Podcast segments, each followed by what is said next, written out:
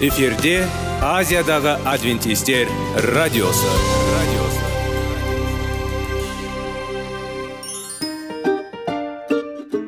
сәлем достар. Денсаулық өмір бұлағы және біздің бірінші байлығымыз демекші денсаулық сағаты рубрикасына қош келдіңіздер. Біздің рубрикада біз әртүрлі факторларменен мәліметтерменен кеңестерменен бөлісіп шын жүректен сіздердің дендеріңіз сау болғанын қалаймыз.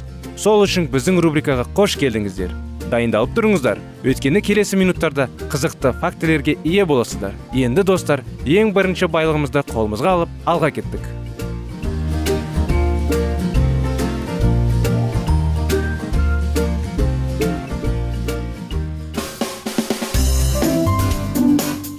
Денсаулық туралы хабар. Денсаулықтың ашылуы. Күн сайын сөз үшін күшті кеңестер соңғы жаңалықтар қызықты факторлар. Біздің рубрикада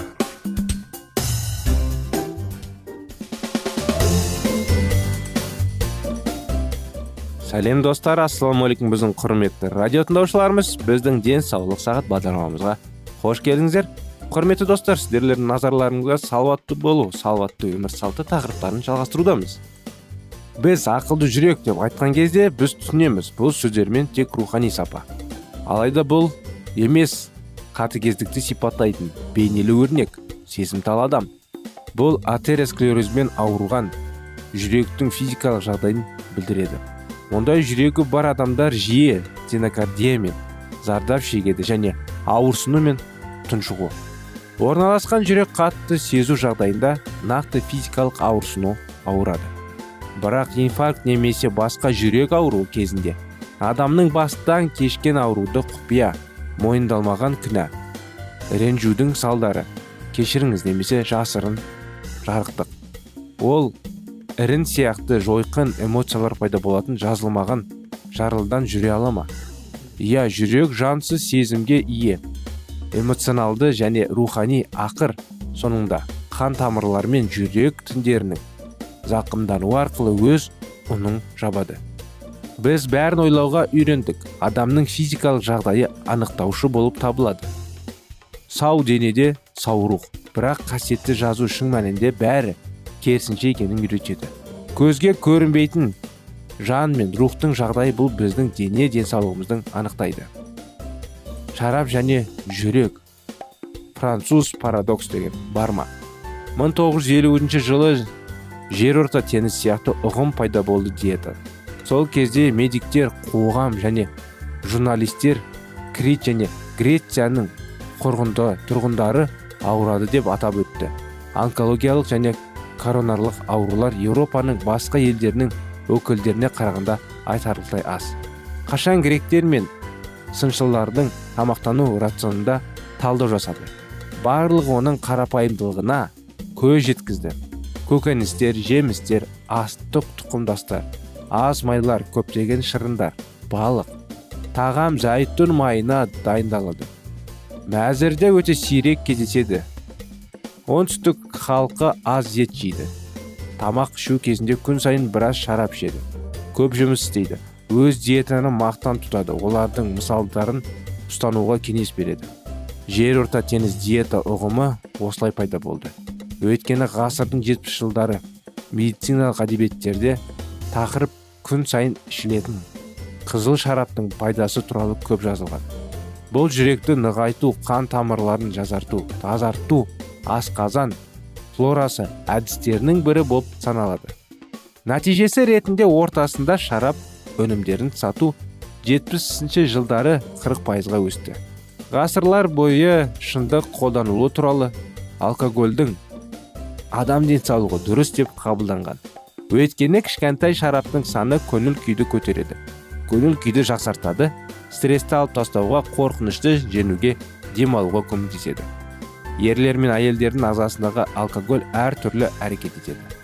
Дені сау ер адамда 1 килограмм салмағы 100 миллиграмм алкоголь сіңіріледі әйелдер бұл көрсеткіші 15-20 пайызға аз.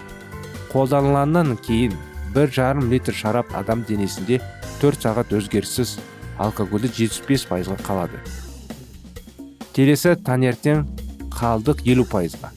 Осыдан токсикоз яғни дененің улануы алкоголь метаболизмнің өнімдері. Токсикоздың токсиндің нәтижелері бас ауруы ауыздың жағымсыз иіс құсу бас айналу бет түсу. Осындай алкоголь молекулалары өте оңай ериді суда және майларда. Бұл қоспа ыдыстарға оңай қозғалады. Қанға асқазан қабырғасы арқылы еніп жетеді ми қабығына дейін. Адамның реакциясы байлануды қозғалыс бұлжытпай сөйлесу жалған былыптар сөздер. Әдетте қорқыныш сезімі қайғы сезімсіздік жоғалады. Соңғы жылдары сыраны тұтынудың өсу серпіні салдарынан жылдар бойы көлік көлік жол көлік оқиғалардың саны күрт өсті. Сыра бөтелкесін немесе бір стакан шарап арақ немесе коньяк жұқпасы қандай зиян келтіруі мүмкін? Алайда баяу реакция жүргізушіге белгілі бір жол жағдайында дұрыс шешім қабылдауға мүмкіндік бермейді. Әсіресе бұл тәуліктік қараңғы уақытында қауіпті.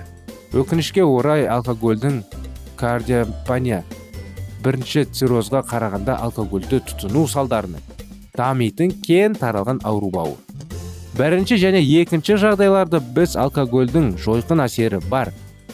Бірақ мас жүргізуші көлікке бауыр циррозының қайтыс болуы екіталай. Ал ықтималдағы жүрек астыма ұстамасының өлу әлде қайда жоғары? Дегенмен адам өз табиғатына қарай әсіресе егер қызыл шарап немесе коньяктың емдік қасиеттері туралы үмітсіз ақпарат бар. Қалай көрсетілді жоғарында? Өткен ғасырдың 70 жылдары бүкіл дауысқа француз парадоксы туралы сөз сөйледі. Ақшта өлім жітімді салыстыра отырып францияда француздар ұзақ өмір сүреді деген қорытындыға келді.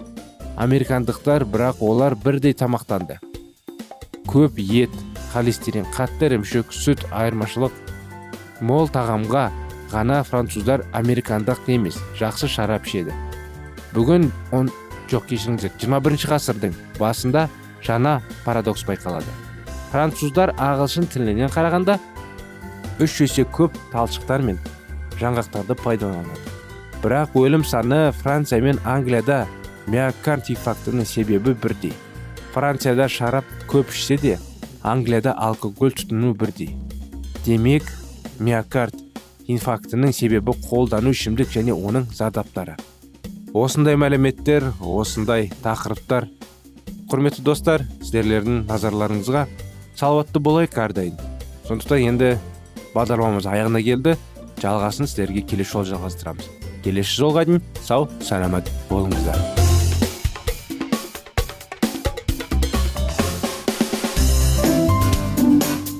Денсаулық туралы хабар.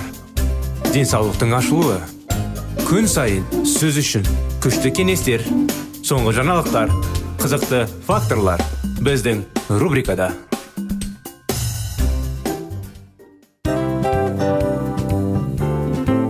Әуелі байлық денсаулық екінші байлық он саулық үшінші байлық ақ жаулық. Ал енді осындай радио парақшадан кейін не дейміз?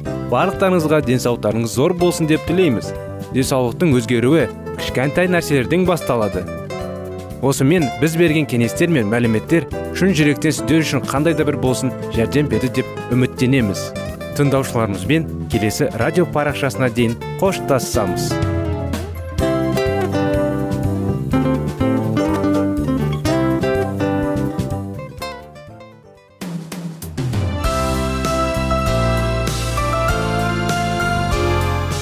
эфирде азиядағы адвентистер радиосы. Радиосы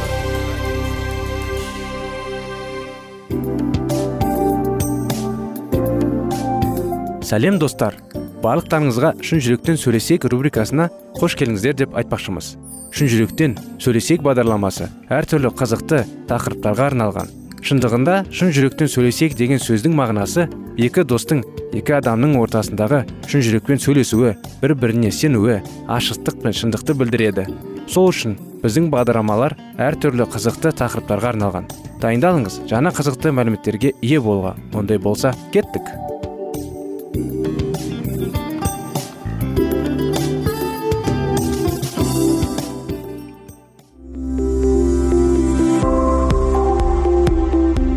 Алтын сөздер. Сырласу қарым қатынас жайлы кеңестер мен қызықты тақырыптар. Шын жүректен сөйлесейік рубрикасында.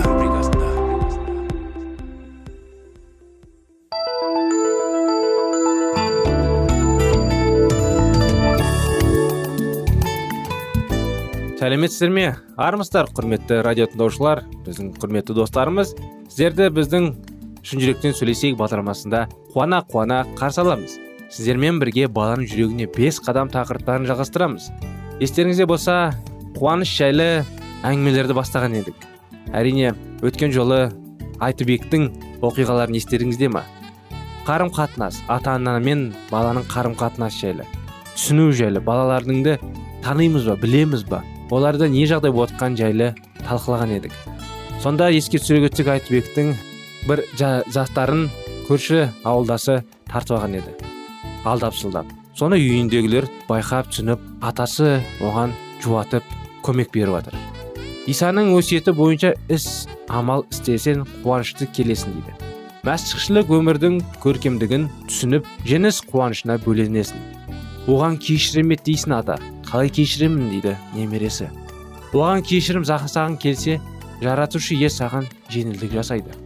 Бұл оның құзырындағы іс көмектеседі. Ол яхуданың гетсиманадағы сатқындығы үшін оны жау санаған жоқ қайта дос санады.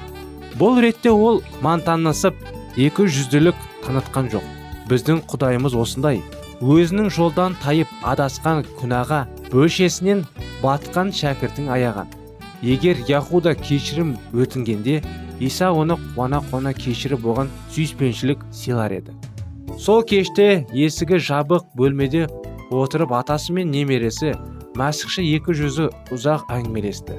Олардың бірі сақал шашынақ кірген өзінің сеніміне нанымына беріп жасы жеткен қария болса екіншісі өзінің өмір жолын жаңа ғана бастаған аузын ашса көмекей көрінетін аңғал ақ жарқын қайырымды мінезді жасөспірім бала. Сол кеште жаратушы осы екеуінің ыстық ықыласты дұға тілектерін қабыл алып екеуінің жүректеріне шаттыққа мамыржай тыныштыққа бөледі. Балалар бөлмесінде отырып мәсіхші жасөспірім бала маңызды шешім қабылдады. Ол жедел киінді де тасқа шықты. Пәлтесінің қалтасына әжептәуір салмақты өзінің ерекше қымбат заты бар. Пәтердің қоңырауын басқан еді есікті шаршағандықтан жүзі солған тартқан масқал әйел ашты. Саған не керек бала? Сен де серікке шағым жасай келдің бе? Менің тілзар балам сені де сабады ма? Ол сотқырылға үшін жана ғана менен таяқ жеді. Саған дейін де көрші ауылдан бірнеше адам келіп оған шағым жасаған. Әкесі кеткеннен бері әбден бетімен кетті бұл бала. Үйіне бара бер қам жеме. Сен үшін де жазалармын оны деді де жаңағы әйел айтбектің аузын ашып сөз айтуын мұрша бермектен зілде есікті сарт еткізіп жаба салды. Бала алғашында не істерін білмей сасып қалды. Дегенмен тағы да қоңырауды басты. Саған не керек? деді тағы да есік ашқан жаңағы әйел. Есік алдында тұрған балаға таңырқай қарап жоқ апай мен шағымдануға келген жоқпын. Маңызды бір шаруамен келіп едім. Кіруге рұқсат па? Шағымданбайтын десең бе онда менің баламның досы болдың ғой. Түріне қарасам моп моқмақ баласың. Сен де ата анаңның жүйкесін тоздырып болған шығарсың. Ей сотқырлар ай есік қайтадан жабылды. Айтбек тосылғаннан желкесін қысып әзәзіл менің киелі кітап бойынша амал істеуіме кедергі кедіреді келтіруде бірақ мен де беріле қоймаспын деді де тас түйін бекініп алып есіктің қоңырауын тағы басты.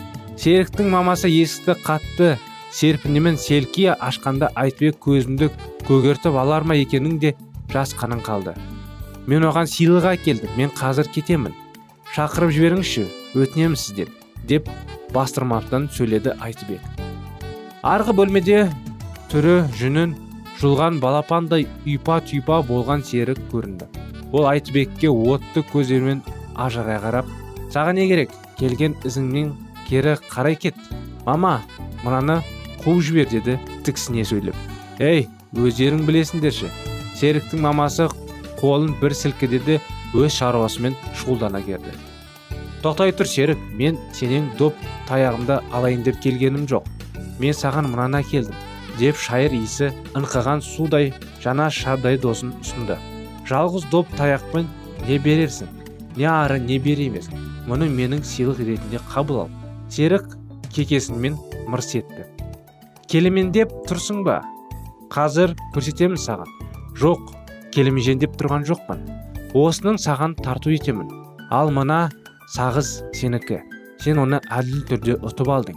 Әйтібек әкелген заттардың серіктің қолына ұстаған салды да оның жауабын күтпестен баспалдықпен төмен қарай шапшандап түсіп кетті барды. Үйіне қайтып келген жайтып жол бойы исаға сиынды тәңір ием мен сенің қалауың бойынша бар амалымды істедім. Қазір мен қуаныштымын серікке батаңды беріп онымен өзің сөйлескенсің. Атасы мен әке шешесі айтбектің өзімен қастасқан баламен кездесудің қиын болғанын ақырында ол өз дегеніне жетіп апарған сыйлығына оның қолына ұстап келгендігіне туралы әңгімесін зейін қойып таңдады. Соңында мамасы сәл күрімсіреді де ол баланың өмірі қиын көрінеді. Мамасынан басынан да ауыртпалық бар сияқты. Әкесіз бала өсіріп тәрбиелеу оңай емес ау құдайдың көмегі қажет ақ. Серіктің мамасы танысу керек екен. Сол кеште серіктің көңіл күйі ішкі ой сезімдері қандай болғандығын ешкім білмейді. Таңертеңгісін дүкенге барайын деп айтбектің мамасы тысқа шыққанда есіктің алдында жатқан жаңа доп таяқты шайбыны және сағызды тауып алды. Бұл атасының немересіне берген тартулары. Бұп бүтін түп түгел күйінде екен. Осы заттардың айтбектің төсегінің жанына апарып қойды. Не деген керемет оқиға? Жас көзден ағып жүрек жібіп нағыз қарым қатынас ата анасында не деген үйреткен тәрбие? Баланың өзінен емес пайда болған. Ата анасы құдайдың арқасында үйреткен тәрбие. Осындай тәрбиелі оқиғаларды ары қарай жалғастырамыз құрметті достар. Әзірге бағдарламамыз аяғына келді. Келесі жолға дейін сау болыңыздар.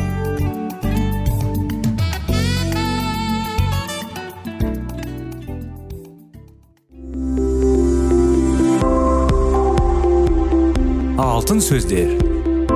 Сырласу. Қарым қатынас жайлы кеңестер мен қызықты тақырыптар. Шын жүректен сөйлесейік рубрикасында.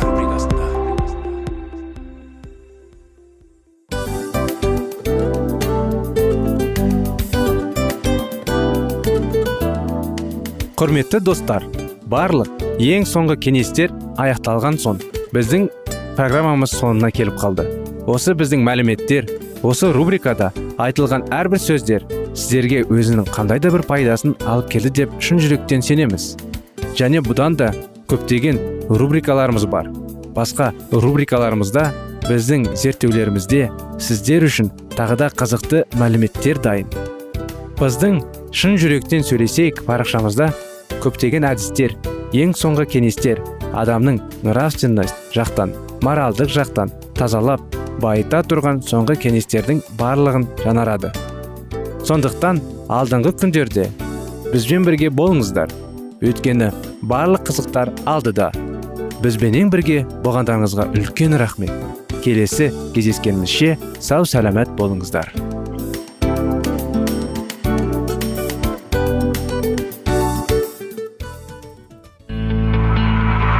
Жан дүниеңді байытқан жүрегіңді жаңғыртқан өмірдің мағынасын ойландырған рухани жаңғыру.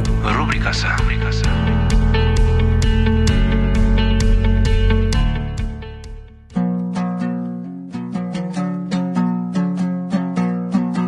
Ассалаумағалейкум біздің тыңдаушыларымыз. Келі кітаптың шындығын ашып берген қысқа бағдарламасына қош келдіңіздер. Барлығынан жоғары жаратушы біздің қарыңғылықта жалғыз қалдырып қойған емес. Өйткені ол келешекте не болу керек екенін кітаптың парақтарында ашып береді. Немесе келіңіздер бізге қосылыңыздар. Жаратушы бізге нен ашып бергенін зерттейміз. Шынында да навуходоносор патша қиратып бұзған ғибадатхана иса мәсіх туылмастан 500 жыл бұрын қалпына келтірген еді. Сүйлемен патшаның салған ғибадатханасын көзі көрген жандар. Кейінгі салынып жатқан ғибадатхананың алғашқысындай сұлу болатындай күмән келтіріп іштей өкініп жатқан. Пайғамбар олардың көңілі күйін былай деп сипаттайды. Атағы көкке шырықтанған бұл үйді бұрынғы көрген көздерден кім қалды? Оның қазіргі күйі айтуға тұрарлық па? Дәл осы мезетте бұл ғибадатхананың атағы бұрынғыдан асып түседі. Деген уәде берілген болатын. Дегенмен екінші ғибадатхана біріншіден сұлулығы жағынан асып түсе алмады. Екінші ғибадатхана алғашыныңдай шапағат шұғылысы да шашылған жоқ. Құрбан шалу кезінде аспаннан от та түскен жоқ. Алланың атағынан болты да көрінбеді. Оның ішінде құдірет иесінің заны сақталған сандағы да болған жоқ. Құдаймен тілдескен кезде ол бұрынғысындай жауап та қайырмады. Бірнеше ғасырлар бойы яхудейлер хаққай пайғамбарға берілген уәде орындады деп дәлелдеумен келді. Дегенмен менменшілдік пен сенімсіздік олардың сана сезімдерін баурап алған болатын. Сол себепті олар өздерін берілген аянның шын мәнін түсіне алмаған еді. Екінші ғибадатханаға алланың атағының бұлты қонбағанымен ол ішіне назареттің келіп келген аурудың тәнін жараланың жанын емдеген әйгілі дәрігер. Ұлы оқытушы күнәқар пенденің табиғатын қабылдаған. Әлемнің иесі иса мәсіхтің жарығымен нұрланған болатын. Сол себепті де екінші ғибадатхананың атағы алғашқы ғибадатханадан жоғары болды. Бірақ израиль көктен түскен сыйды қабылдамады. Сол күні қарапайым оқытушының өліммен ғибадатхананың атағы да жойылды. Үйлерін өздеріне бос қалды деген құтқарушының сөзі орындалады. Исаның шәкірттер ғибадатхананың қирайтын жайлы хабарды естігенде әрі таң қалып ірі қорықты. Бұл ғибадатхананы безендіруге халықтың қырық жыл бойғы еңбегі мен қазынасы кеткен болатын. Ол үшін ұлы ирод яхуди және рим қазына сарайларына қаражат бөліп беріп отырған. Тіпті рим императорының өзі оған ақшадай сыйлық беріп тұрды. Осы үй үшін римнен үлкен ақ мәрмер тастар жеткізілген. Олардың кейбіреулерінің өлшемдері өте үлкен болды. Осы ақ мәрмерге құтқарушының назарына аудара отырып шәкірттері оған былай деп сұрақ қойған. Ұстаз қарашы қандай сұлу тастар қандай керемет ғимараттар? Бұл сөзге иса былай деп жауап берді. Шын айтам бұл тастардан түк те қалмайды барлығы қирайды исаның шәкірттері иерусалимнің қирауын оның екінші рет жер бетіне келетін мезгілімен байланыстырған яғни олардың ойларынша иса келіп ғаламдық империяның тағына отырып тәубаға келмеген яхудилерді жазалап халықты римнің езгісінен азат етуге тиісті болды. Құтқарушы соның алдында оларға мен екінші рет қайтып келемін деп ескерткен болатын. Сондықтан иерусалимнің сотқа таратылына туралы. Естігенде олар исаның екінші рет келетінін жайлы ойлады да зәйтүн тауының үстінде отырғанда оған былай деп сұрақ қойды. Ақыр заман қанша келді қашан келеді? Сенің жер бетіне қайта келуінің қандай белгілері бар? Бірақ мейірімге толы жасаған иеміз. Оларға болашақты болжамады. Егер иса оларға болатын оқиғаның ашып айтса шәкірттерінің аза бойы қаза болып қайғыға ұшырайтын еді. Исаның сөзі оларға толық түсінікті болмағанымен уақыт өткен сайын олар айтылған сөздердің мәнін біртіндеп ұғуға тиісті болды. Исаның айтқан сөздері екі мәнді еді. Біріншісі иерусалимнің басына түсетін азапты екіншісі ақыр заманда адамзат баласының басына түсетін азапты білдіреді. Иса оқушыларына құдайдан теріс бұрылып құтқарушыларын айқыш ағашқа керетіндері үшін яхудилерді күтіп тұрған сот туралы айтып берді. Сол масқара оқиғаның алдында белгілеген аяндар орындалуға тиісті болды және де айтулы уақыт білінбей байқұсда келмек. Құтқарушы оқушыларына даниял пайғамбарына берілген аянды айтты. Сонымен киелі жердің құлдырап бос қалғанын көргенде яхуди жерінде қалған адам тауға қашып тығылсын. Келі жерге құдайсыздардың римнің туы тігілгендей мәсіхшілер қашып құтылуға тиісті. Алдын ала айтылып қойылған белгілер пайда болысымен олар қашуы керек. Бірақ яхудей жеріндегілер және иерусалимнің тұрғындары бұл белгі бағынуға тиісті. Үйдің төбесінде отырған жандар бағалы заттарын алу үшін үйдің ішіне кіруіне болмайды. Бау бақшада жұмыс істеп жүрген адамдар киімдерін алмаққа оларды тастаған жерлеріне қайтып оралуларына болмайды. Бұл қасіреттен қашып құтылам деушілер бір минут бөлгемеуі керек. Ираттың патшалық еткен кезінде иерусалим өзінің сұлулығымен ғана емес қаланың қабырғаларының және бекіністерінің мықтылығымен географиялық орналасуын ыңғайлықымен әйгілі болған еді. Оны қиратып бұзам деушілерге нұх пайғамбарын есалын деп атағандай ат қойылған болар еді.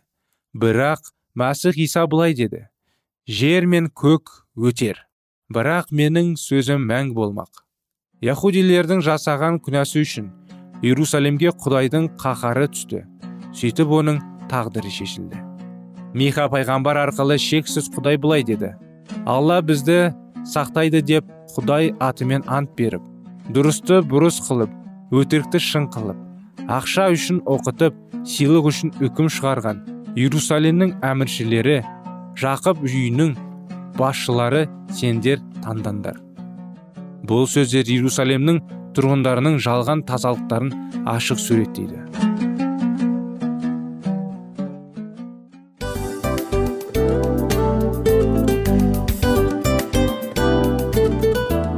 мынау осы уақыт тез өтіп кетеді екен. Біздің бүгінгі рубрикалардың аяғына да келіп жеттік. Ақпаратымызды парақшамызды қазір ғана бастаған сияқты едік. Соңында да келіп қалдық. Уақыт деген тегі білінбей өтіп кетеді екен. Бүгінгі 24 сағаттың алтындай жарты сағатын бізге бөліп арнаған үшін рахмет. Егерде өткен сфераларда пайдалы кеңес алған болсаңыз біз өзіміздің мақсатқа жеткеніміз. Кеңестерді қолданам десеңіз өзгерістерді кішкентай қадамдардан бастап іске асыра беріңіздер де жасағандарыңыз үлкен үлкен жетістіктерге жете берсін. Шын жүректен әрбір берілген кеңестер сөздер сіздерге пайдасын әкеледі деп сенеміз. Сіздермен бірге кездесулерімізді сөзсіз түрде асыға күтеміз. Сәтті күн тілеп сіздер менің ұзаққа қоштаспай келесі кездескенімізше тек қана сау саламатты болыңыздар дейміз. Достар біздің бағдарлама бойынша сұрақтарыңыз болса әрине сіздерге керекті анықтама керек болса біздің whatsapp нөмірімізге хабарлассаңыздар болады. Плюс бір үш жүз бір жеті жүз алпыс алпыс жетпіс.